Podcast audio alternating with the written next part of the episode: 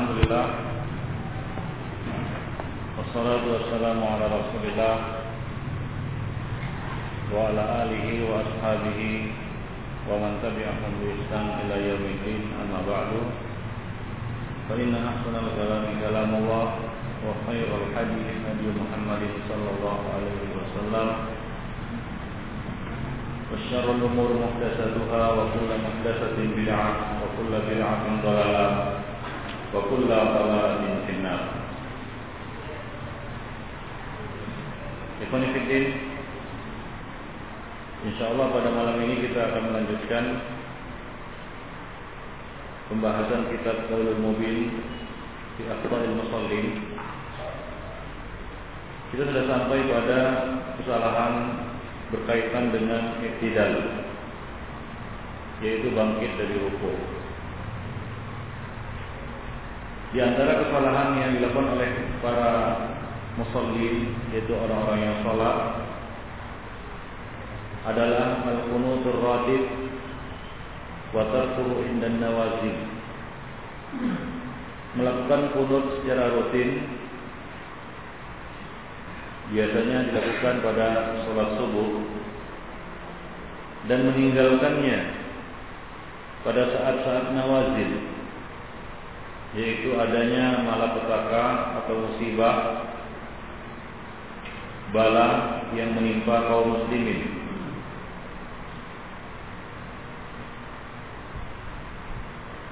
Ini adalah pemandangan yang sering kita lihat di masjid-masjid kaum muslimin khususnya pada saat sholat subuh yang mana mereka seolah-olah mewajibkan bahkan menjadikan ini sebagai rukun rukun sholat subuh yaitu kunut. Hingga kita lihat sebahagian orang yang sudah melakukannya secara rutin ketika dia sholat di belakang orang yang tidak kunut dia sujud sahwi ada yang lebih ekstrim dia ulangi lagi sholatnya. Seolah-olah kunut ratib atau kunut rutin subuh itu adalah wajib bahkan rukun. Dalam hal ini mereka berdalil dengan sebuah hadis riwayat Anas bin Malik. Tapi hadisnya dhaif seperti yang kita ketahui bersama. Anas bin Malik mengatakan mazala Rasulullah yaqnutu fi subhi hatta faraqa dunya. Rasulullah senantiasa berkunut pada salat subuh hingga meninggal dunia. Hadis ini lam yasih. Hadis ini tidak sahih ada perawi yang bernama Abu Ja'far Ar-Razi dia ini rusak hafalannya dan sering keliru di dalam menyampaikan hadis. Karena hafalannya lemah. Bahkan Ibn Hibban mengatakan dia sering membawa riwayat-riwayat yang ganjil atau aneh dari perawi-perawi yang masyhur. Jadi seolah-olah itu riwayat masyhur. Ternyata tidak masyhur. Seperti riwayat ini, ya, riwayat yang menjelaskan kunutnya Nabi setiap sholat subuh, ya di dianggap oleh sebagian orang sebagai hadis yang masyhur dan seolah-olah itu bersesuaian dengan hadis di mana Rasulullah SAW melakukan kunut ya pada saat sholat subuh dan sholat maghrib. Dan pernyataan di sini hatta farakat dunia hingga beliau meninggal meninggal dunia mengesankan bahwa kunut itu dilakukan oleh Rasulullah secara rutin terus menerus tanpa berhenti. Ini adalah titik kekeliruan ya sebagian orang yang mewajibkan kunut atau mengharuskan kunut pada salat subuh. Yang benar ya riwayat yang mengisahkan Rasulullah melakukan kunut pada salat subuh itu tidaklah khusus salat subuh saja Ya di dalam riwayat Muslim ada tambahan ada lafal yang e, ditambahkan di situ dan salat maghrib dan salat maghrib. Artinya Nabi tidak mengkhususkan kunut itu pada salat subuh saja. Dan ini menunjukkan bahwa kunut yang dilakukan oleh Rasulullah itu adalah kunut nawazil atau disebut juga kunut nazilah. Karena adanya suatu musibah malapetaka yang menimpa kaum muslimin hingga Rasulullah melakukannya pada salat subuh dan pada sholat maghrib. Dalam riwayat lain bahkan disebutkan pada sholat zuhur dan pada sholat isya. Jadi Rasulullah Shallallahu Alaihi Wasallam membacanya pada sholat-sholat beliau.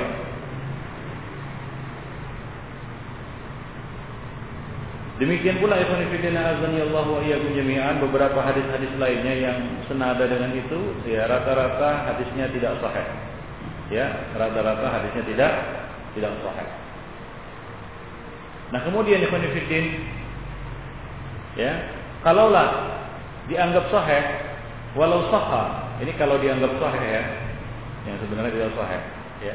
Maka itu tidaklah ya bukan atau belum menjadi dalil yang kuat dia mewajibkan kunut pada salat subuh. Karena bisa saja itu diartikan kunut di sini adalah tulul qiyam, lamanya berdiri. Ya. Hadis itu menyatakan mazala Rasulullah yaqnutu fi subhi. Ya karena kunut di dalam bahasa Arab ya digunakan juga untuk makna tulul qiyam, yaitu lamanya ber, berdiri.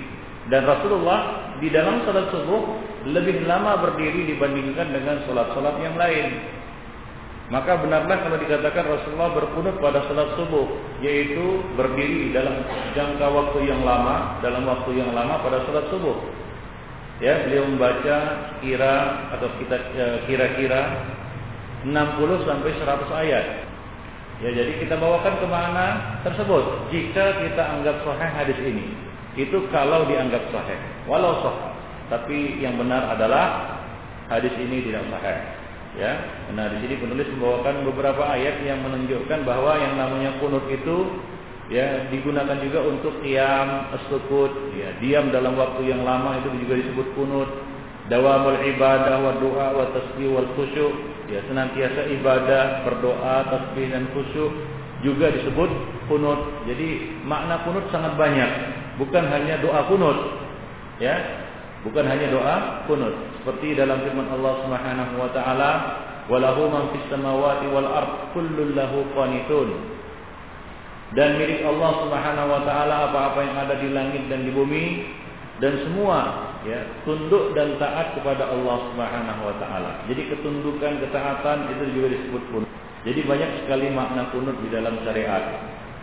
Nah, demikian ya Fiddin rahimani wa rahimakumullah Dan Anas dalam riwayat tadi tidaklah mengatakan lam yazal yaqnutu ba'da ruku' rafi'an sautahu dalam hadis Anas tadi yang kita bacakan yang dijadikan sebagai dalil dan ini merupakan dalil terkuat bagi orang-orang yang mewajibkan kunut ya dalam hadis itu Anas tidak mengatakan Rasulullah senantiasa berkunut ba'da ruku' setelah ruku' jadi umum karena Rasulullah fi subhi Rasulullah berkunut pada salat subuh artinya lama berdiri pada salat subuh. Ya bisa diartikan seperti itu.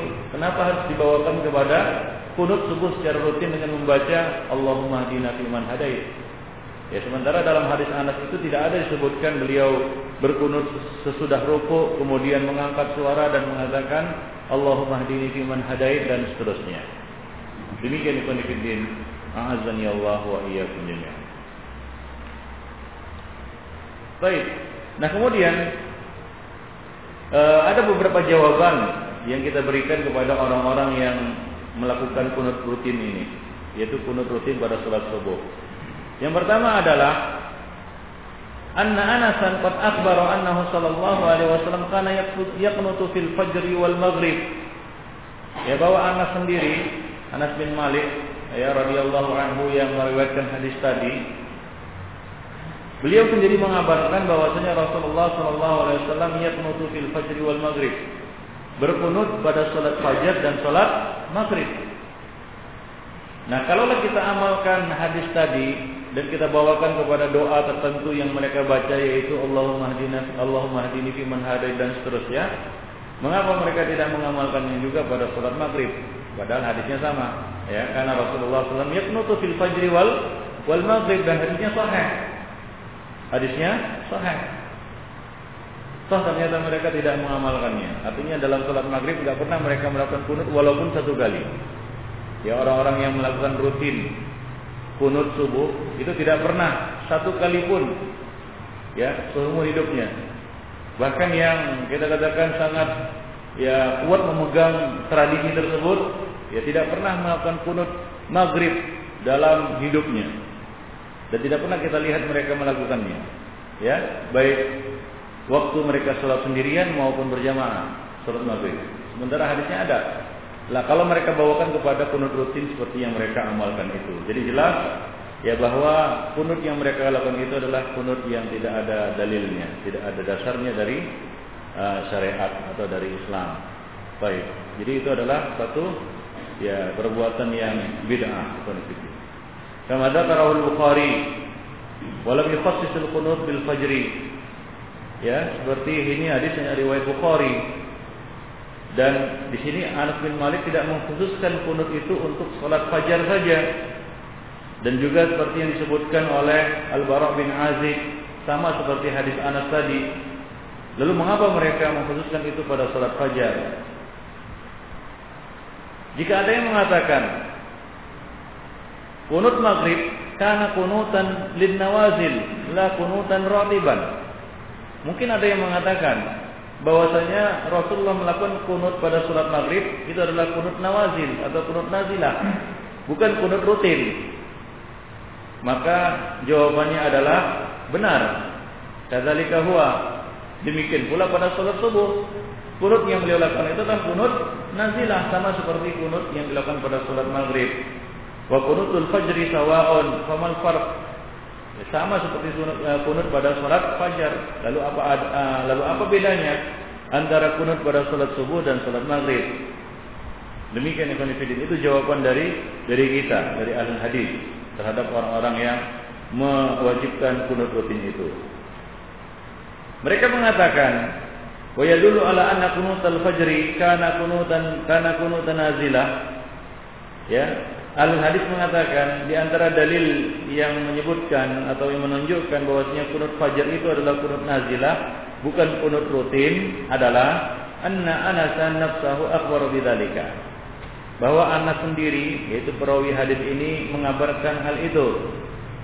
Ya wa umdat wa umdatukum fil qunutir ratib innama huwa anas. Sementara yang menjadi pegangan orang-orang yang melakukan kunut rutin itu adalah hadis Anas dan Anas sendiri mengabarkan bahwasanya ia melakukan itu adalah kunut nazilah ya bahwasanya Rasulullah melakukan itu adalah kunut na nazilah bukan kunut ratibah atau kunut rutin. Tsumma tarakahu kemudian Rasulullah Shallallahu Alaihi Wasallam meninggalkannya, itu tidak rutin mengerjakannya. Ya, nah demikian Ibn Fiddin. Seperti yang disebutkan dalam kitab Sahih dari Anas bin Malik radhiyallahu anhu bahwasanya Rasulullah Shallallahu Alaihi Wasallam qanata syahran. Yad'u ala hayyin min ahya'il Arab thumma taraka. Bahwa Rasulullah pernah berkunut satu bulan penuh. Nah, berkunut satu bulan penuh ini zahirnya Ibn Fiddin beliau melakukannya pada lima waktu. Sebulan penuh ya di sini tidak diperinci bahwasanya Nabi mengkhususkan satu salat dari salat-salat yang lainnya. Walaupun bisa kita bawakan kepada hadis Anas sebelumnya bahwasanya Rasulullah Shallallahu Alaihi Wasallam melakukannya pada salat maghrib dan salat salat maghrib dan salat subuh. Tidak menutup kemungkinan beliau juga melakukannya pada salat Jumat dan salat Isya. Wallahu a'lam. Baik.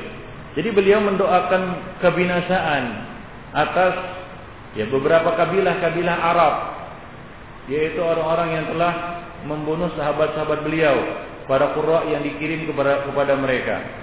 Summa tarakahu kemudian Rasulullah sallallahu alaihi wasallam meninggalkannya. Artinya menghentikannya. Ya menghentikan kunut nazilah ini. Ya menghentikan kunut nazilah. Baik. Artinya beliau tidak melakukannya terus menerus sampai beliau wafat. Asani dan kemudian yang kedua, jawaban kita yang kedua, anna Anasan akhbara annahum lam yakunu yaqnutun. Anas sendiri mengabarkan bahwasanya mereka dulu tidaklah berkunut. Wa anna bada al kunut huwa kunutun Nabi sallallahu alaihi wasallam ala ala ala riklin wa zakwan. Ya, bahwasanya Rasulullah sallallahu alaihi wasallam baru memulai kunut itu. Ya, jadi sebelumnya enggak ada kunut. Ya belum ada Rasulullah Shallallahu Alaihi Wasallam melakukan kunut pada sholat-sholat fardu ya. Adapun ya sholat witir tentunya ada yang namanya kunut witir. Ya ada kunut witir. Yang kita bicarakan di sini adalah kunut pada sholat fardu. Ya. Nah kunut pada sholat fardu itu baru e, baru dilakukan oleh Rasulullah Shallallahu Alaihi Wasallam pada saat beliau mendoakan kebinasaan atas suku Ri'l dan Dakwan. Dia mendoakan kebinasaan atas suku Ri'l dan dan Dakwan. Sebelumnya tidak ada Rasulullah wasallam mengamalkan kunut kecuali pada salat witir. Demikian itu Di dalam Sahihain dari hadis Abdul Aziz bin Suhaib dari Anas bin Malik dia mengatakan ini adalah kisahnya bagaimana terjadinya atau awal mula ya dilakukannya kunut pada salat-salat fardu. Rasulullah Shallallahu Alaihi Wasallam mengirim 70 orang sahabat beliau untuk satu keperluan. Mereka ini disebut rombongan Qurra, kafilah Qurra. Qurra adalah para penghafal Quran. Fa'arada lahum Hayyan ibn Hayyan min Bani Salim wa Riklin wa Zakwan inda bi'rin lahu Lalu mereka dihadang oleh beberapa suku dari Bani Salim, beberapa orang dari Bani Salim, Ri'lin dan Dakwan. Ini adalah nama-nama kabilah. Itu dihadang, dihadang, dicegat di tengah jalan. Yaitu di tempat yang e, di satu mata air yang disebut mata air Mauna, Bi'r Mauna. Ya seperti oase begitu di padang pasir. Faqala al-qaum maka orang-orang itu mengatakan wallahi ma iyyakum arabna wa inna ma nahnu mutajawizuna fi hajatin li Rasulillah sallallahu alaihi wasallam. Maka para qurra itu mengatakan kepada orang-orang yang menghadangnya, demi Allah kami bukan ingin memerangi kalian. Kami eh, tidak ingin eh, kami bukan bermaksud untuk menyerang kalian. Kami hanyalah melakukan kami hanyalah melintas untuk menunaikan ya, amanat Rasulullah Sallallahu Alaihi Wasallam. Ya ada kepentingan yang yang diamanatkan kepada kami kepada kami oleh Rasulullah Sallallahu Alaihi Wasallam. Tapi ternyata mereka tidak menerima alasan ini. Fakataluhum mereka pun membunuh para qurra itu yang berjumlah 70 orang.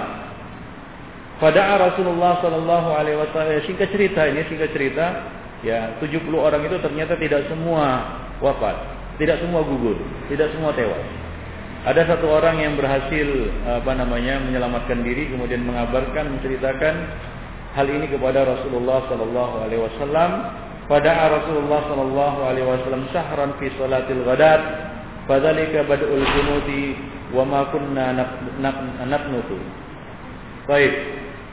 Maka Rasulullah sallallahu alaihi wasallam pun mendoakan selama satu bulan kebinasaan atas mereka fi salatil ghadat pada salat subuh.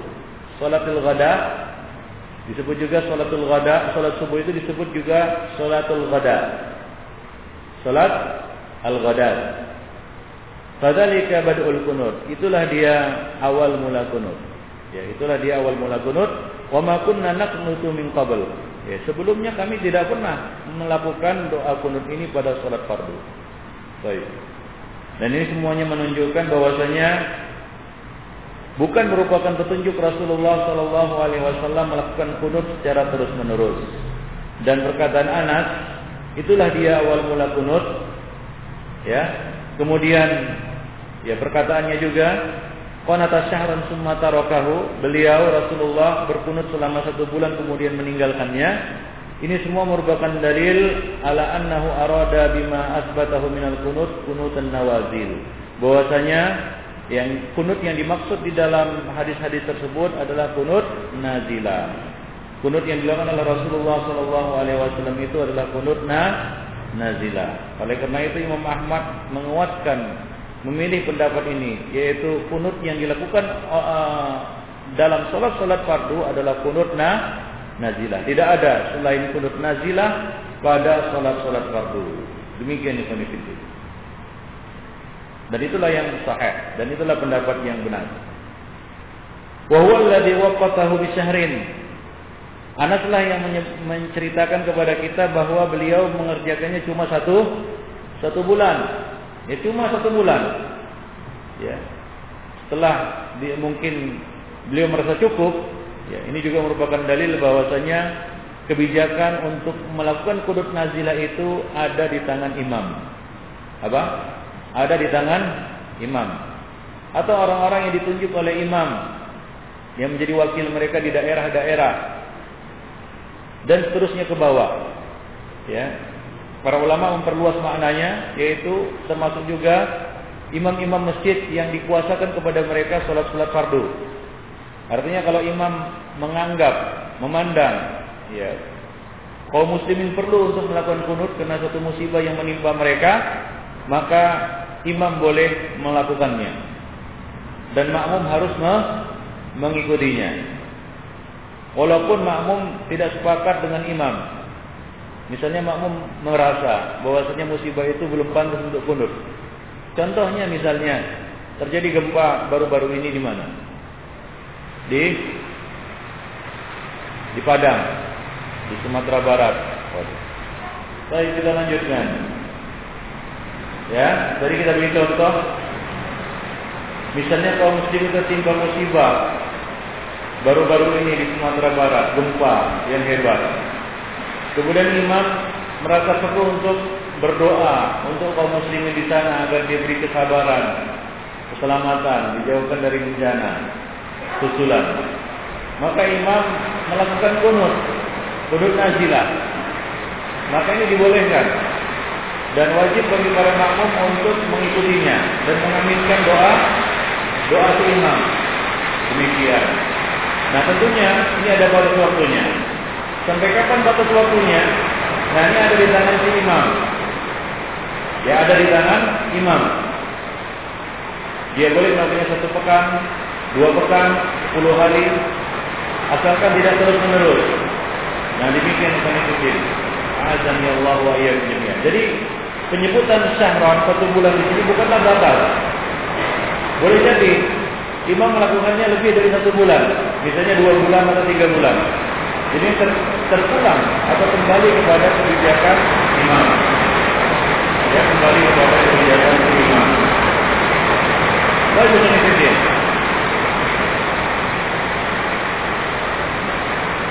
Wahada kama qanata fi salatin atama syahran.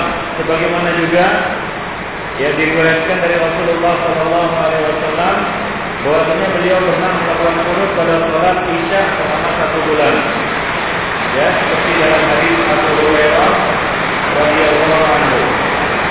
Anna Rasulullah sallallahu alaihi wasallam qanata fi salatin atama syahran bahwa Nabi Shallallahu Alaihi Wasallam pernah berkunut pada sholat isya selama satu bulan. Beliau membaca di dalam kunut tersebut, Allahumma anjil walid dan walid, Allahumma anjil Salmat bin Hisham, Allahumma anjil Iyas bin Abi Rabi'ah, Allahumma anjil mustad'afina min al-mu'minin, Allahumma sir wat'ataka ala hadar, Allahumma ja'alha alaihi sinina Yusuf. Ini doa Nabi yang beliau baca pada salat Isya pada waktu kunut. Yaitu, Ya Allah, selamatkanlah Walid bin Walid, selamatkanlah Salamah bin Hisham, selamatkanlah Ayat bin Nabi Rabi'ah, selamatkanlah orang-orang yang lemah dari kalangan kaum muslimin. Ya Allah, timpakanlah kami yang keras terhadap mudar, yaitu suku mudar, dan Allah ya Allah jadikanlah atas mereka masa paceklik atau musim paceklik, paceklik sebagaimana yang telah menimpa kaum Yusuf. Demikian doa Nabi Shallallahu Alaihi Wasallam pada sholat isya, kunut pada sholat isya, kunut nazilah. Nah ini tentunya menunjukkan kepada kita bahwa kunut yang dilakukan oleh Rasulullah Shallallahu Alaihi Wasallam itu adalah kunut. Abu Hurairah yaitu perawi hadis ini mengatakan wa yawmin dzikru dzalika lahu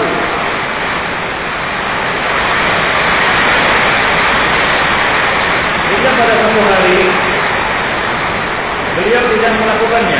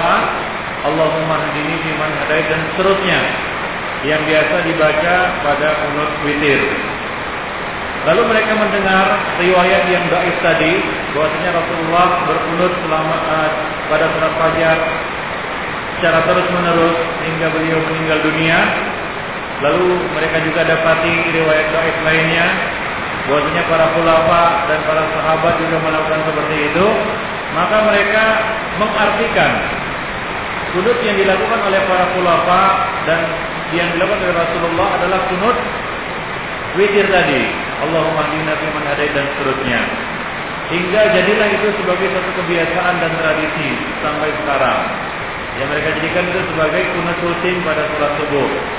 Nah di sini ada beberapa kesalahan. Di antaranya yang pertama kesalahan mereka di dalam mengartikan kunut. Mereka mengartikan kunut pada riwayat-riwayat tersebut sebagai kunut rutin. Sementara yang benar adalah kunut nazilah. Yang kedua, mereka salah menempatkan doa. Ya, doa yang seharusnya dibaca pada kunut witir, mereka baca pada kunut nazilah. Dan doa kunut nazilah yang seharusnya dibaca pada kunut nazilah dibaca justru pada kunut kunut witir. Kita lihat sebagian imam-imam taraweh ketika mengerjakan atau membaca doa kunut witir mereka menyambungnya dengan doa-doa yang sebenarnya dibaca pada kunutna nazilah. Nah demikian Ibn Jadi ini adalah beberapa kesalahan yang terjadi di kalangan masyarakat awam.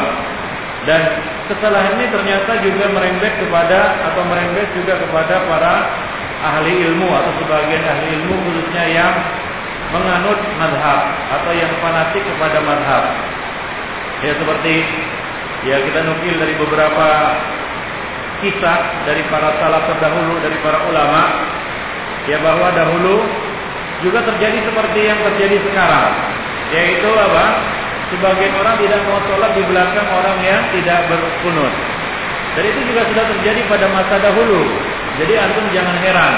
Seperti yang diceritakan kepada kita di dalam biografi Abu Abdullah Muhammad bin Fadl Al-Farra di dalam kitab Syiar Alam Nubala ya bahwasanya ia pernah sholat mengimami manusia itu menjadi imam di masjid Abdullah di, uh, di masjid Abdullah selama sab'ina sana 70 tahun wa kana syafi'iyan yaqnutu dia adalah seorang penganut atau pengikut mazhab Syafi'i dan sebagaimana yang kita ketahui bersama mazhab Syafi'i itu ya sebagaimana dimaklumi mereka mewajibkan kunut maka imam ini kunut selama 70 tahun. Jadi begitulah tradisi sudah mendarah daging di tengah-tengah masyarakat di situ. Ya. Wa amma bi fa amma maliki. Nah, peninggal dia ya datanglah seorang imam yang bermadzhab Maliki. Malikiyah. Bertindak sebagai imam. Wajah nas ala adatihim Lalu datanglah manusia untuk mengerjakan sholat subuh sebagaimana biasa. Apa yang terjadi? Ternyata Imam Maliki ini, artinya imam yang bermazhab Maliki ini tidak berkunut. Karena di dalam mazhab Malikiyah itu tidak ada kunut rutin pada sholat sholat subuh. Demikian juga mazhab Hambaliyah atau Hanabilah. Lalu apa yang terjadi? Fatarakuhu, mereka meninggalkannya ya mereka meninggalkannya wansurafu ya mereka balik balik kiri gerak balik kanan gerak artinya apa bubar lalu mereka mengatakan wa qalu la yuhsin yusalli. Ya imam ini enggak bisa sholat. Atau imam ini enggak ngerti sholat kata mereka. Karena tidak karena tidak benar. Jadi ya hal semacam ini atau jangan heran jika terjadi sekarang. Ya seperti yang kita lihat sekarang ini ada sebagian orang yang mengulang sholatnya ketika dia dapati imamnya tidak bunur. Ya, atau tidak perlu heran karena peristiwa yang serupa juga terjadi ya pada masa dahulu. Ya, pada masa dahulu. Mereka meninggalkan imam yang tidak berbunur. Dalam anggapan mereka imam ini nggak ngerti sholat. Nah, begitulah dia kira-kira bahasanya. Nah, itulah yang terjadi konfidina dan ya Allah wa jami'an. Bagaimana manusia ataupun kaum muslimin yang menjadi fanatik ya terhadap amalan ini. Ya, fanatik terhadap amalan ini. Ya sementara amal itu adalah amal yang tidak benar. Karena tidak ada dalil ataupun hadis sahih yang mendukungnya. Nah ini sungguh sangat aneh. Mereka meninggalkan hadis-hadis sahih yang secara jelas menyebutkan ya bahwasanya kunut yang dilakukan oleh Nabi adalah kunut nazilah. Lalu mereka mengamalkan hadis yang jelas-jelas tidak sahih. Lam yasbut ya fil kunut rawatib. Ya tidak sahih tentang kunut yang rutin tersebut. Ini adalah satu hal yang ya kita katakan kebalikan dari sunnah. Apa? Kebalikan dari sunnah. Oleh karena itu diriwayatkan dari sebagian sahabat ya bahwasanya ketika mereka ditanya tentang kunut subuh, mereka maka mereka menjawab innaha muhdal. Bahwasanya kunut subuh itu adalah muhdal, yaitu bid'ah. Demikian ikan itu rahimani wa rahimakumullah jami'an. Ya, jadi intinya adalah kunut subuh secara rutin itu merupakan kesalahan.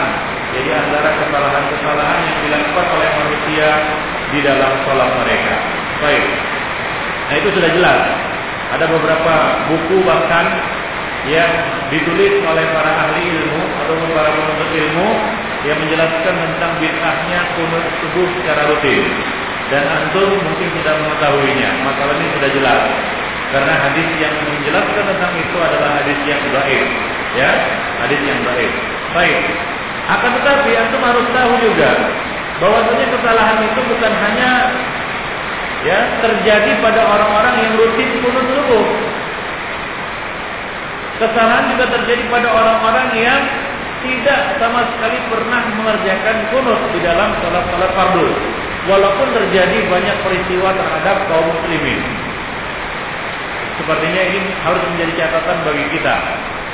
Ya, bagi masyarakat awam dan juga bagi salafiyun. Kenapa kita katakan salafiyun?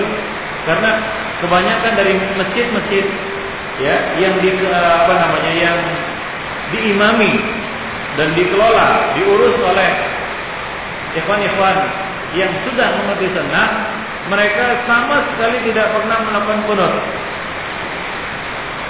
hingga kunut nazilah yang itu merupakan sunnah. Nah, di sini ya penulis menjelaskan hal itu. Ya, jadi supaya kita tahu juga di mana letak kesalahan.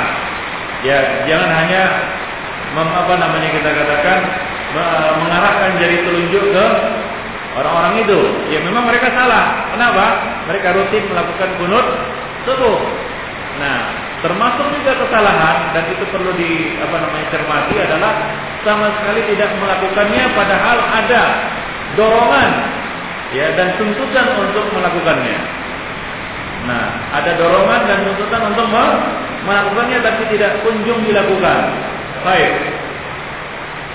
Nah, berikutnya beliau mengatakan wa qad nas al-qunut fin nawazil allati tanzilu bil muslimin wa ma aktharuha fi hadhihi al-usur. Apa kata beliau? Beliau mengatakan dan sungguh orang-orang dan kaum muslimin maksudnya di sini kaum muslimin meninggalkan kudut nazilah. Ya, pada saat terjadinya musibah dan malapetaka bencana atau bala terhadap kaum muslimin. Nah ini yang menjadi perhatian bagi kita semua khususnya bagi para imam, para imam atau orang-orang yang diserahkan tugas sebagai imam. Ya bahwasanya ya bahwasanya dianjurkan untuk melakukannya khususnya pada saat terjadi musibah dan malapetaka yang menimpa kaum muslimin. Misalnya ya kaum muslimin dibantai ya, kemudian apa? kaum muslimin diperangi ya, negeri kaum muslimin tertimpa musibah. Nah, seharusnya dianjurkan para imam untuk melakukannya. Bukan hanya pada sholat subuh, karena kunut nazilah tidak boleh. Dan juga merupakan kesalahan jika dikhususkan pada sholat subuh. Dilakukan pada sholat-sholat yang lainnya, ya, sholat maghrib dan sholat isya. Ya, dan boleh juga dilakukan pada sholat Jumat. Nah, demikian Ibnu Fiddin azani Allah wa jami'an. Saya mengatakan, saya masyhur mengatakan, wa ma'aktaruha hadhihi usur.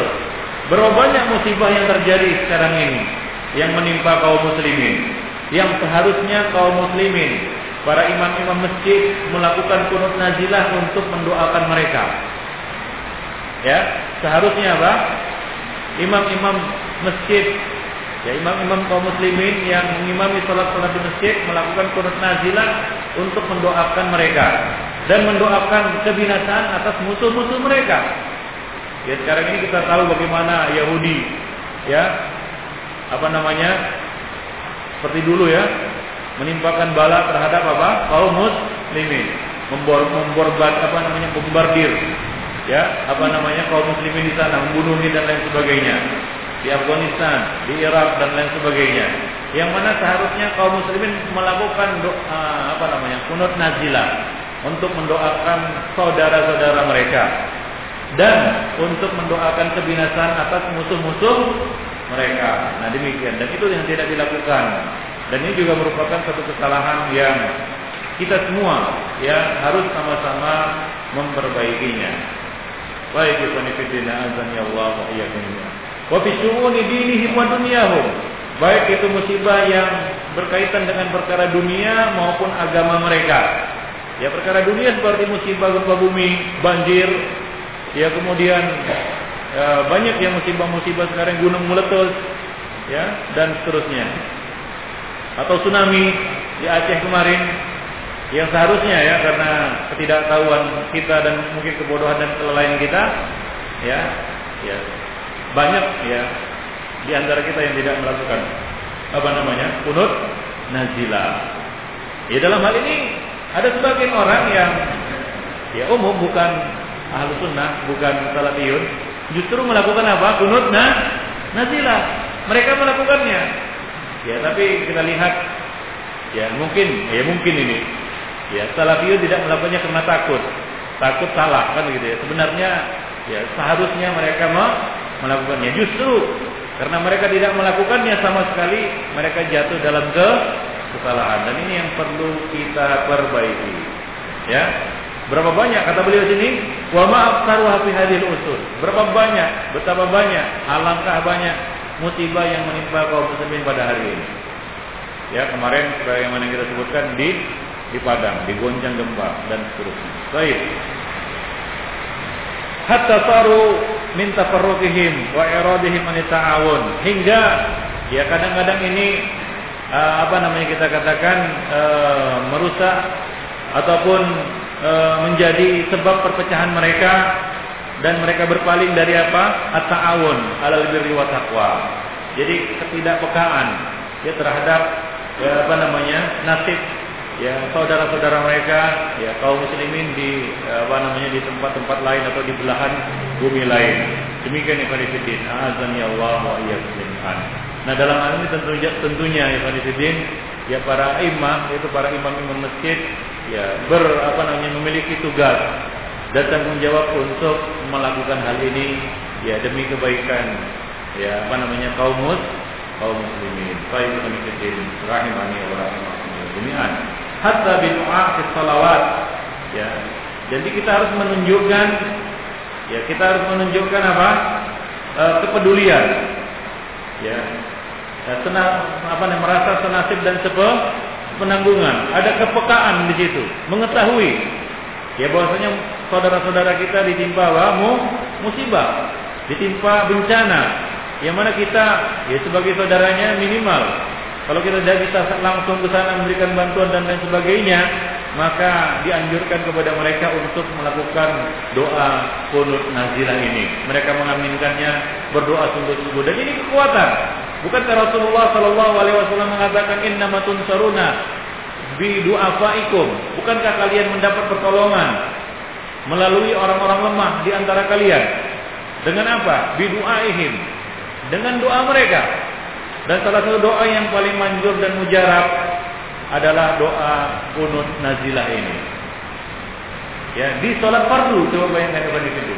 Nah, tentunya ketika kita sholat berjamaah, nah di situ bercampurlah, berbaurlah, mulai dari yang paling kaya sampai yang paling miskin. Semuanya sama-sama berdoa kepada Allah Subhanahu wa taala. Jadi, ada kemungkinan besar doa doa mereka di dikabulkan oleh Allah Subhanahu wa taala hingga menjadi ringanlah ya apa namanya beban yang diderita oleh saudara-saudara mereka di tempat yang yang lain atau Allah Subhanahu wa taala mengabulkan doa mereka dan memberikan pertolongan kepada saudara-saudara mereka yang ditindas oleh orang-orang kafir di, di tempat-tempat lain. Nah demikian Ibn Fiddin, azani Allah wa jami'an. Ya sepertinya inilah yang yang mungkin selama ini kita kita abaikan atau terabaikan atau terlewatkan, terluput. Ya mungkin karena tidak tahuan. Jadi hendaklah ini dilakukan. Ibn Fiddin, rahimani wa rahimakumullah. Ya sebenarnya singkat doanya meniru doa Rasulullah Wasallam. Ya ya Allah selamatkan Allahumma anji. Ya Allah selamatkan, ya Allah bantu dan seterusnya. Ya dengan kata-kata dengan kalimat-kalimat yang ya ikhwan ya dimengerti oleh si imam dan apa namanya mengena kepada tujuan. Ya, demikian ikhwan wasaru kal ghuraba fi biladihim. Hingga kaum muslimin ya seolah-olah menjadi orang yang asing. Ya di negeri mereka sendiri. Ya. Tidak peka dan tidak mengetahui nasib saudara-saudara mereka. Nah dengan dengan dilakukannya kunut nazilah maka tentunya ya penderitaan yang dirasakan oleh ya kaum muslimin di tempat-tempat musibah juga dirasakan ya oleh kaum muslimin di tempat-tempat lainnya apabila para imam yang melakukan doa kunut nazilah ini di tempat-tempat mereka. Nah ini. Wasarat al kalimah fi hali ghairihim hingga ya yang menjadi ya apa namanya rujukan ataupun yang menjadi ya, ya kemenangan itu menjadi uh, bagian bagi pihak selain mereka atau kalimat menjadi bagian bagi selain mereka wal kunut fin nawazil bi du'a lil muslimin wa doa ala adaihim. Jadi kunut nazilah ini adalah dengan mendoakan untuk kaum muslimin dan berdoa kebinasaan atas musuh-musuh mereka. Dan itu bukan hanya pada kunut witir. Ya justru Rasulullah Sallallahu Alaihi Wasallam ya tidak berdoa panjang ya seperti yang sekarang ini antum dengar melalui apa namanya ada muratal kan begitu ya di bagian akhir ada doa kunut witir begitu panjang itu sebenarnya tidak benar juga. Syalbani membicarakan mengenai masalah itu. Demikian juga saya masuk ketika ditanya ya seperti itu tidak sebenarnya tidak tidak benar juga. Ya tidak sepenuhnya benar. Ya Rasulullah Shallallahu Alaihi Wasallam tidak pernah berdoa kunut witir sepanjang itu. Justru beliau berdoa panjang ketika mendoakan kaum muslimin pada kunut nazilah beliau ulang-ulang dan seterusnya. Nah justru sekarang ya sebagaimana kita sebutkan tadi kunut ya, doa kunut nazilah ini justru dibaca pada kunut kunut witir. Baik. Oleh sebagian imam. Dan kunut nazilah mendoakan kaum muslimin mendoakan kebinasaan atas musuh-musuh Islam ini adalah satu yang sahih dari Rasulullah Sallallahu Alaihi Wasallam fi salawati kulliha dalam seluruh salat-salat yang lima waktu itu ibu Ya, setelah uh, imam mengucapkan sami Allahu liman hamidah pada rakaat terakhir. Ya, setelah imam mengucapkan sami Allahu liman hamidah pada rakaat terakhir. Jadi para ulama menjelaskan bahwa kunut nazilah itu dilakukan sesudah rukuk. Adapun kunut witir itu Rasulullah sering melakukannya sebelum rukuk. Jadi untuk membedakan antara dua kunut ini, ya Rasulullah lebih sering membaca kunut witir itu sebelum rukuk. Dan ini yang jarang dilakukan oleh para imam. Ya, kunut witir. Sebelum rukuk. Dan kunut nazilah sesudah rukuk. Kunut nazilah sesudah rukuk. Nah, kita lihat sekarang ini coba lihat apa yang diamalkan oleh kaum muslimin pada kunut witir. Hampir ya kita katakan semua imam membaca kunut witir itu sesudah sudah ruku. Nah, kalau kita amalkan misalnya ya, kita amalkan membaca doa kunut ini yaitu kunut witir ini sebelum ruku, mungkin mereka akan terkejut dan merasa heran. Mungkin ini menganggap dianggap apa? Aneh. Kok ada doa kunut sebelum sebelum ruku? Ya, sementara Rasulullah melakukan kedua-duanya. Dan para ulama menempatkan kapan ya dilakukan sebelum rukuk dan kapan dilakukan sesudah rukuk. Dilakukan sebelum rukuk itu untuk kunut-kunut witir. Dilakukan sesudah rukuk itu untuk kunut-kunut nazilah. Baik, Ibnu Fiddin, rahimani wa rahimakumullah jami'an. Baik. Nah, di sini ada riwayat dari Al-Atram. Dia mengatakan, Sami'tu Abu Abdullah yaqulu lima lam ila anil kunut fil fajri. Aku mendengar Abu Abdullah yaitu Imam Ahmad ketika ditanya tentang kunut fajar yaitu kunut subuh beliau menjawab Idza nazala bil muslimina amrun yaitu lakukanlah apabila terjadi sesuatu peristiwa menimpa kaum muslimin. Qanatal imam, maka imam boleh berkunut. Wa wa ammana man khalfahu dan orang-orang yang di belakangnya mengaminkannya. Orang-orang yang di belakangnya meng mengaminkannya. Nah, untuk kunut nazilah ya para makmum mengaminkan dengan suara yang keras. Ya, dengan suara yang yang keras. Summa qal misla ma nazala bin nasi min hadzal kafir. Ya ini babak. Ya seperti apa yang menimpa oleh eh, apa yang menimpa manusia dari orang kafir ini, yaitu si babak. Babak ini ya apa namanya? Uh, babak al-Qarmi kepadanya lah dinisbatkan sekte Babakiyah salah satu firqah yang murtad dari Islam ya murtad dari Islam ya termasuk bahagia yang menghalalkan yang membalikkan perkara yang halal jadi haram yang haram jadi halal. Nah ini ada sekte namanya Babakiyah sama seperti bahagia ya sekte ini membalikkan ya yang wajib jadi tak wajib yang tidak wajib jadi jadi wajib. Jadi dia balik tuh agama. Kata mereka itulah dia hakikat dari yang batin. Jadi itulah dia hakikatnya. Yang yang lahir ini adalah ya suatu yang apa namanya yang bukan bukan hakikat, bukan hakikat. Hakikatnya adalah seperti yang mereka amalkan itu. Nah, ini sesat. Nah, untuk untuk terjadinya itu saja ya, ketika terjadi fitnah babakiyah ini, Imam Ahmad mengatakan, ya contohnya seperti itu.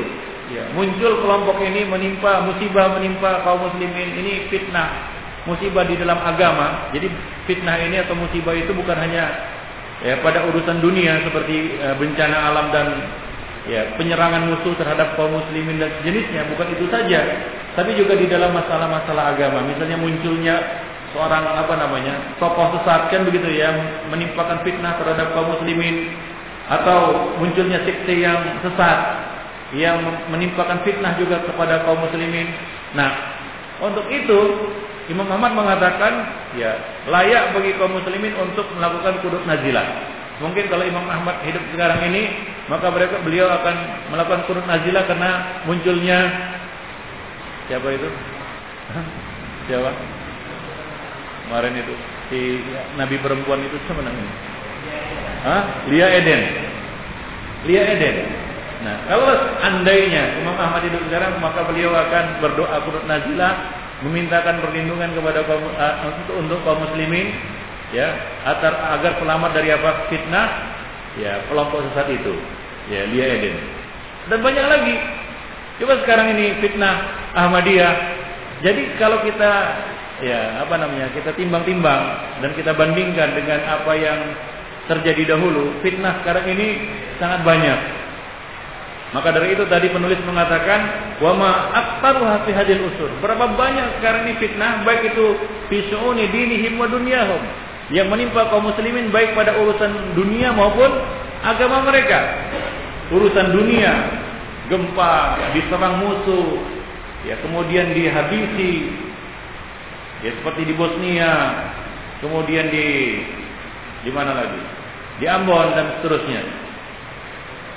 Kemudian juga di dalam urusan agama mereka munculnya kelompok-kelompok sesat, menyebarnya kelompok-kelompok sesat, murtad dari agama Islam seperti Ahmadiyah, ya golongan Lia Eden dan banyak lagi sekarang kemarin itu muncul nabi-nabi palsu yang ya artinya selayaknya bagi kaum muslimin untuk melakukan kunut nazilah. Jadi ini yang harus menjadi perhatian bagi kita semua. Mungkin kita juga lalai sama seperti orang-orang awam itu ya kebanyakan itu juga juga lalai. Mereka melakukan bid'ah. Bid'ah apa? Kunut subuh rutin. Tapi kita juga jangan lalai. Kita selama ini juga mungkin mengabaikan itu. Nah, kita harus apa namanya? ya memperbaiki. Ya, lakukanlah itu sesekali ataupun ketika terjadi apa namanya? musibah yang menimpa kaum muslimin. Ishaq Al-Harabi atau Al-Harbi mengatakan, "Sami'tu Abu Thaur yaqulu li Abdul li Abi Abdullah Ahmad bin Hanbal, "Ma taqulu fil fil kunuti fil fajri?" Abu Thaur pernah bertanya kepada uh, Imam Ahmad, "Apa yang engkau baca pada kunut fajar, kunut subuh?" Maka Imam Ahmad mengatakan, "Innama yakunul kunutu fin nawazil." Ya, sungguhnya kunut itu hanyalah dibaca apabila terjadi nazilah, yaitu musibah yang menimpa kaum muslimin. Faqala lahu Abu Thawr, kemudian Abu Thawr bertanya lagi, "Wa ayyu nawazil akthar min hadin nawazil allati nahnu fiha?" Ya. Bukankah banyak sekali peristiwa dan musibah yang menimpa kaum muslimin atau menimpa kita sekarang ini? Qal fa idza kana kadzalika fal qunut. Maka Imam Ahmad mengatakan kalau jika memang demikian, maka lakukanlah kunut. Lakukanlah kunut. Ya seperti yang dilakukan oleh Rasulullah. Sebulan dua bulan, ya kira-kira si imam merasa doanya sudah dikabulkan atau musibah itu sudah terangkat kan begitu ya?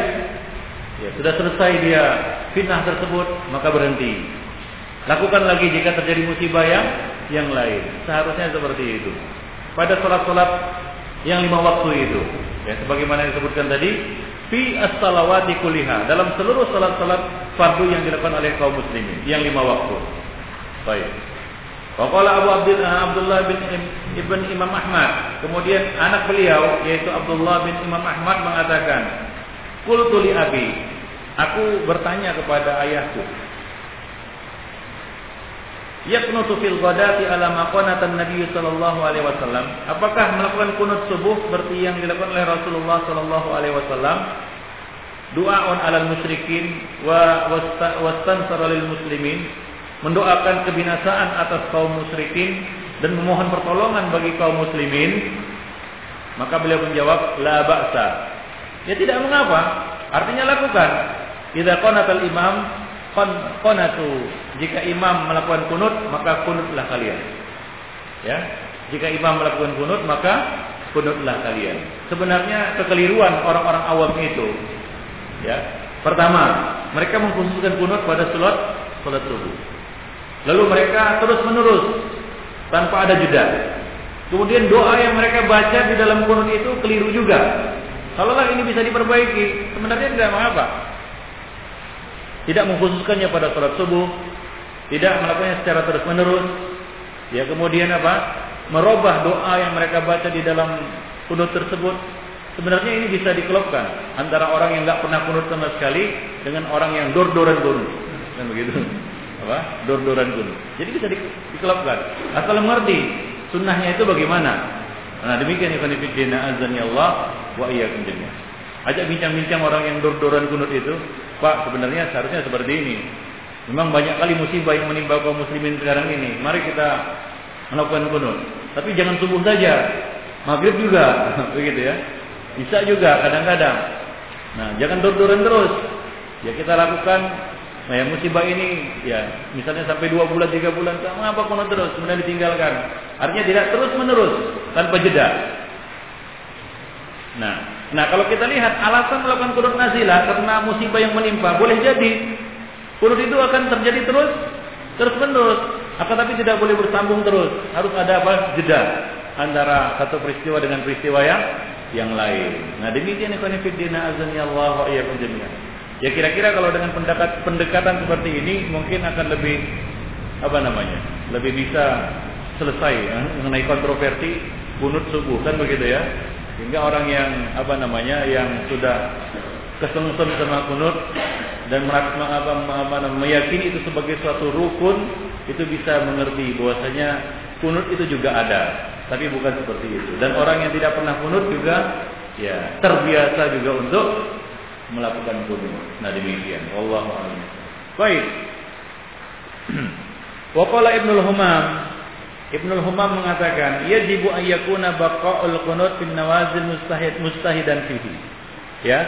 Waktu kunut yang dilakukan oleh imam itu haruslah dikembalikan kepada istihadnya.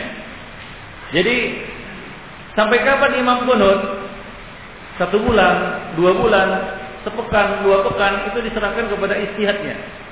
Istihadnya siapa? Imam. Dalam hal ini makmum cuma mengikuti imam. Kalau imamnya masih kunut, dia kunut. Mengaminkan dan seterusnya. Ya. Nah, li'annahu lam yunqal anhu min qawli sallallahu alaihi wasallam illa qunut fi nazilah ba'da hadhihi. Bal mujarradul adam ba'daha. Jadi tidak pernah dinukil dari Rasulullah Sallallahu Alaihi Wasallam kecuali, kecuali kunut pada nazilah dan tidak ada keterangan pembatasan waktu kunut tersebut. Apakah satu bulan, dua bulan dan seterusnya. Walaupun Nabi Sallallahu Alaihi Wasallam melakukannya satu bulan, para ulama mengatakan tidak bisa diambil ya di situ apa namanya eh, kesimpulan ya atau makna umum bahwasanya kunut-kunut yang lainnya juga harus satu bulan. Ya tidak bisa. Gak bisa di situ ditarik makna umumnya. Artinya apa? Sebagaimana Rasulullah melakukan satu bulan, maka kunut yang lainnya juga satu bulan.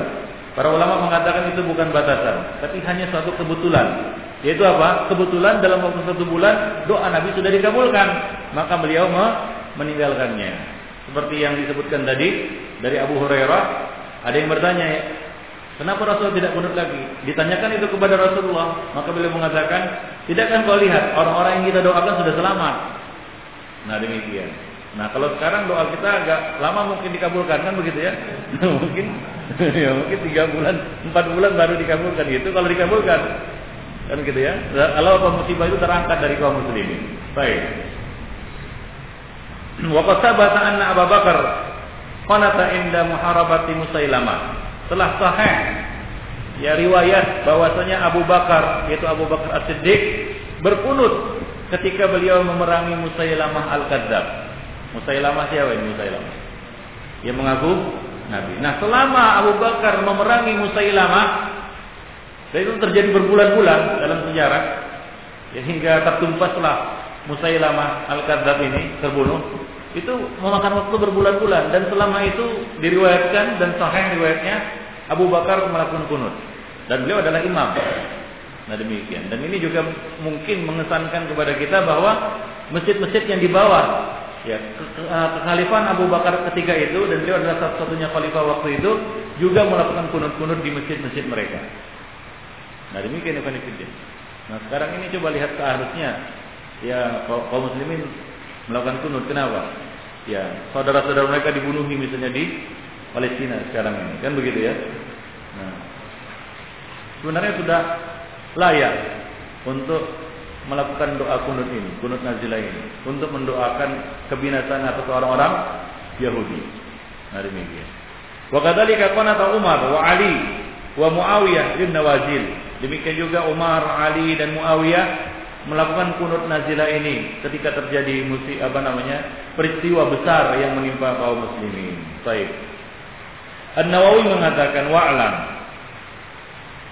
ketahuilah annal mangkul an Umar radhiyallahu anhu bahwasanya yang mangkul yang dinukil dari Umar yaitu doa beliau adzib kafarata ahli kitab Beliau pernah berdoa dalam doa kunut nazilah, Ya Allah, timpakanlah siksa terhadap orang-orang kafir ahli kitab. Kenapa beliau melakukan atau membaca doa ini? Di anna kita lahum dzalika zaman ma'a kafarat ahli kitab. Karena yang dihadapi oleh Umar bin Khattab pada masa kekhalifahan beliau adalah orang-orang kafir dari ahli kitab, yaitu siapa? Orang-orang Romawi dan Persia.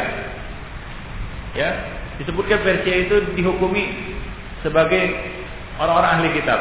Majusi. Sannu alaihim sannatah ahli kitab.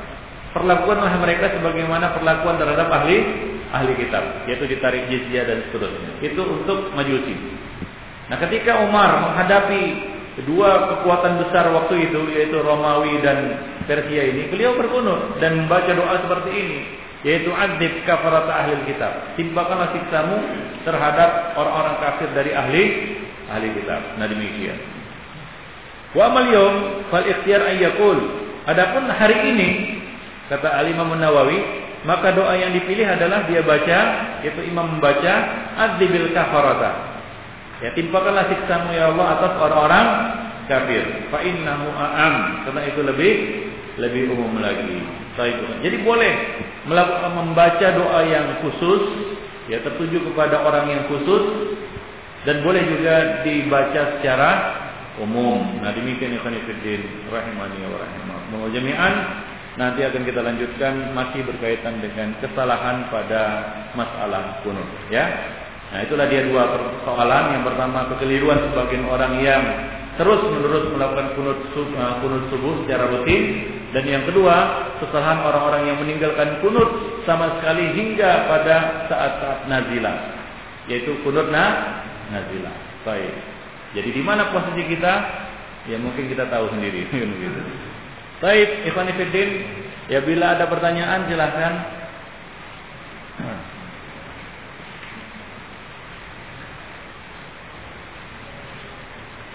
Berkaitan dengan kunut ini, ya mungkin di sini tidak di uh, belum ada penjelasan dari penulis mengenai apa yang dilakukan oleh imam, uh, afan makmum apabila imamnya berkunut dengan kunut yang disebutkan tadi yaitu kunut rutin itu kunut subuh secara rutin. Apakah dia harus mengikuti imam atau dia berdiam diri? Nah di sini tentunya masalahnya berbeda. Ya kita tahu bahwasanya kunut subuh rutin itu adalah keliru dan bid'ah namun jika kita bertindak sebagai makmum maka kita mengikuti imam. Dan ini adalah pendapat fatwa yang dikeluarkan oleh ya para ulama. Di antaranya Syekhul Islam Ibnu Taimiyah ya Ibn Utsaimin dan beberapa ulama lainnya. Ya seperti Abdul Muhsin Abdul Muhsin Al Abbad juga berfatwa seperti itu. Khusus bagi makmum ya. Namun jika dia sholat sendiri afwan uh, ya jika dia sholat sendiri dan dia bertindak sebagai imam maka dia tidak boleh melakukan kunut rutin itu. Kecuali dia melakukan kunut nazilah. Paham? Nah. Dan kekeliruan. Membaca doa Allahumma hadina fi man hadait atau Allahumma hadini fi man hadait pada kunut nazilah. Kalau dia meniatkan itu kunut nazilah, maka janganlah dibaca Allahumma hadina fi man hadait. Karena itu bukan bacaan kunut nazilah, itu bacaan kunut witir. Nah demikian. Jadi ini harap dimaklumi. Kenapa? Karena ju'ilal imam liyu'tamma bihi dijadikan imam itu untuk diikuti. Oh dia melakukan bid'ah, iya dia salah. Ya, Nabi mengatakan jika mereka bagus maka bagi dia dan bagi kita. Jika mereka buruk maka atas dia dan tidak ada dosanya atas kita. Nabi demikian. Ya, fa idza asau ya fa alaihim walakum. Ya, atas mereka dosanya bagi bagi kamu pahalanya. Ya, pahala mengikuti imam. Ya, karena Nabi mengatakan, ya, inna maju ilal imam yutama bihi dan itulah yang kita amalkan. Dan mereka melakukan kesalahan, itu salah mereka. Baik. Misalnya, ya, imamnya melakukan uh, sholat safar empat rakaat. Ya, sementara sholat safar itu dua, dua rakaat. Apa yang harus kita lakukan? Dua rakaat atau empat rakaat? Empat rakaat. Nah demikian. Mengikuti imam. Walaupun itu salah. Ya, salah. Nabi tidak pernah melakukan sholat safar empat rakaat. Bahkan itu tergolong maksiat. Menambah sesuatu yang diringankan oleh Allah Subhanahu wa taala. Ya, menolak rukhsah dispensasi yang diberikan oleh Allah Subhanahu wa taala. Walaupun ada para ulama yang berpendapat seperti itu. Sebagaimana juga kunut, uh, kunut subuh rutin, itu ada juga para ulama yang berpendapat seperti itu. Di antaranya Imam Syafi'i dan ulama-ulama Syafi'iyah. Nah demikian. Nah itu yang harus kita uh, pahami, Pak Nikutin. Baik. Sini ada pertanyaan.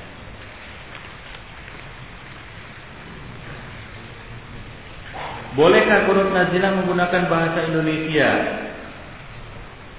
dalam hati saat kita sholat sendiri? Kunut nazilah ini dilakukan pada sholat berjamaah. Dilakukan oleh imam dengan bahasa Arab. Kalau susah dengan doa-doa yang panjang, boleh dengan doa-doa yang pendek. Dan yang mudah untuk dibaca Misalnya Allahumma adzibil kafarata. Allahumma Allahumma ansuril muslimina fi kulli makan. Itu diulang-ulang enggak jadi masalah. Kalau dia tidak bisa panjang-panjang. Nah, dalam doa kunut nazilah ini boleh secara perinci dan boleh juga secara global.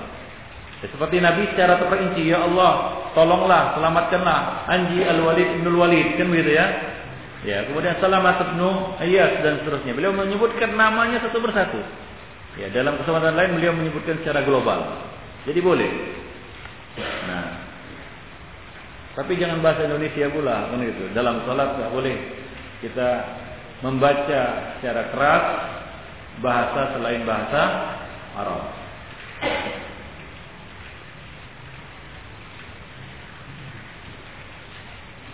Apa yang kita lakukan ketika imam melakukan kunut bid'ah subuh? Ya, tadi sudah kita jawab. Ya, selaku makmum kita mengikuti imam. Tapi kita kalau kita selaku imam, maka jangan kita mengamalkan bid'ah ini.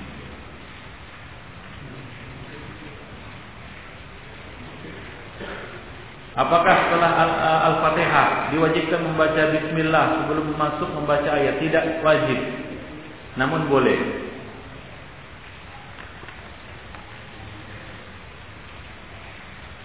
Yang wajib itu adalah membaca isti'adah sebelum membaca al Al-Quran. Yaitu sebelum membaca Al-Fatihah di setiap rakaat.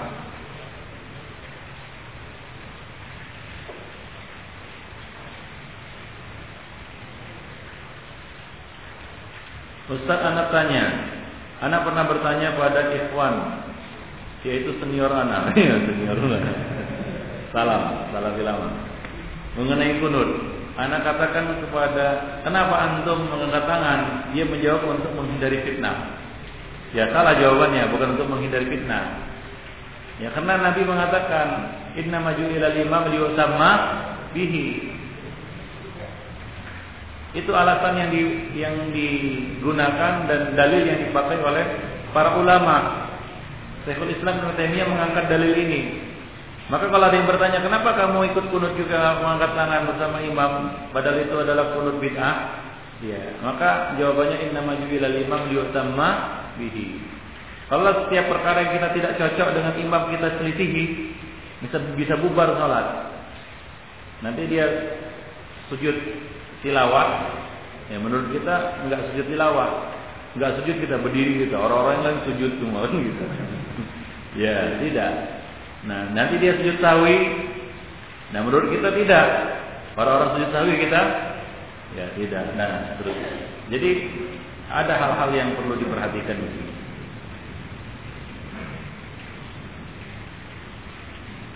Baik. Jadi itu bukan untuk menghindari fitnah.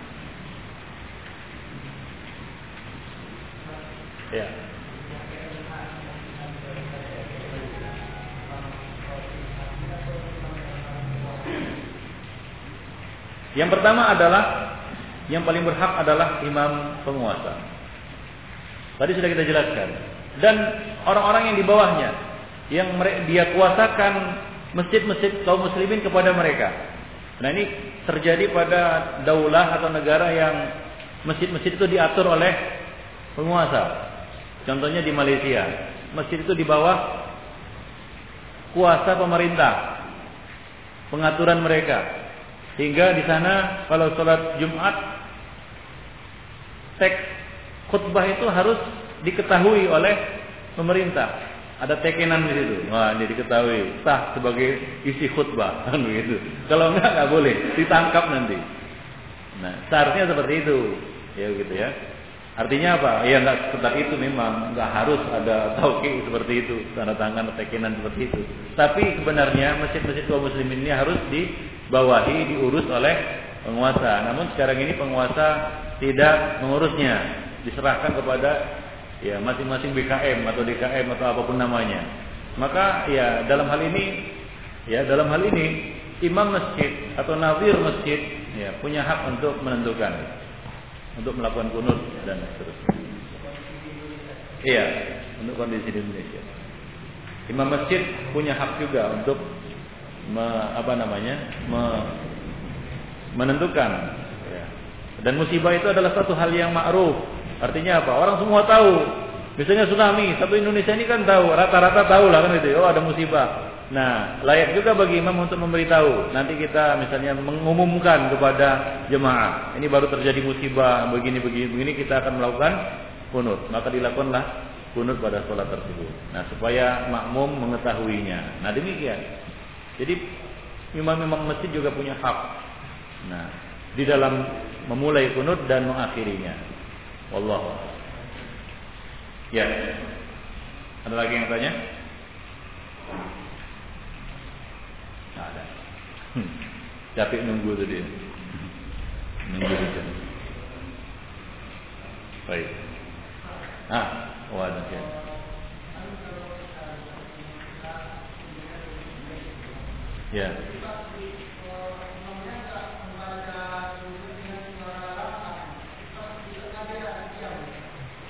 Ya.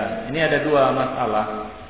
Ya, e, kalau makmum tidak mendengar lagi doa imam, artinya sudah selesai, maka selesailah kunutnya. Ya, iya. Nah, kalau imamnya sudah selesai, karena eh, makmum ya, bergerak sesuai dengan apa yang dijaharkan oleh imam. Yang dijaharkan tahu, yang dikeraskan oleh imam. Karena apa yang dikeraskan oleh imam itu tidaklah dia keraskan kecuali untuk makmum. Makanya Nabi mengatakan wa idza kabbara fakabbiru wa idza raka'a farka'u. Ya, gerakan-gerakan yang general besar ya, seperti ruku, sujud dan seterusnya dan apa? takbirat. Takbir ya kemudian tah, apa namanya tasmi, sami Allahu liman hamidah, salam. Ya, jadi itu adalah bacaan-bacaan yang dikeraskan oleh imam untuk makmum. Untuk apa dia baca keras kalau bukan untuk makmumnya? Ya kan? Nah, jadi makmum mengikuti apa yang dijaharkan oleh imam. Karena itu itu komando dari dari imam. Ketika dia membaca keras, maka ikuti apa yang dilakukannya. Kalau dia sudah selesai ya selesailah. Nah demikian. Artinya dia diam, ya, maka selesai. Baik, wallahu a'lam. Nah demikian saja Ikhwan Fiddin ya kajian kita pada malam ini mudah-mudahan nah, damanya ya e, lebih dari kurang saya maaf subhanallahi wa bihamdik asyhadu an la ilaha illa anta wa astaghfiruka wa atubu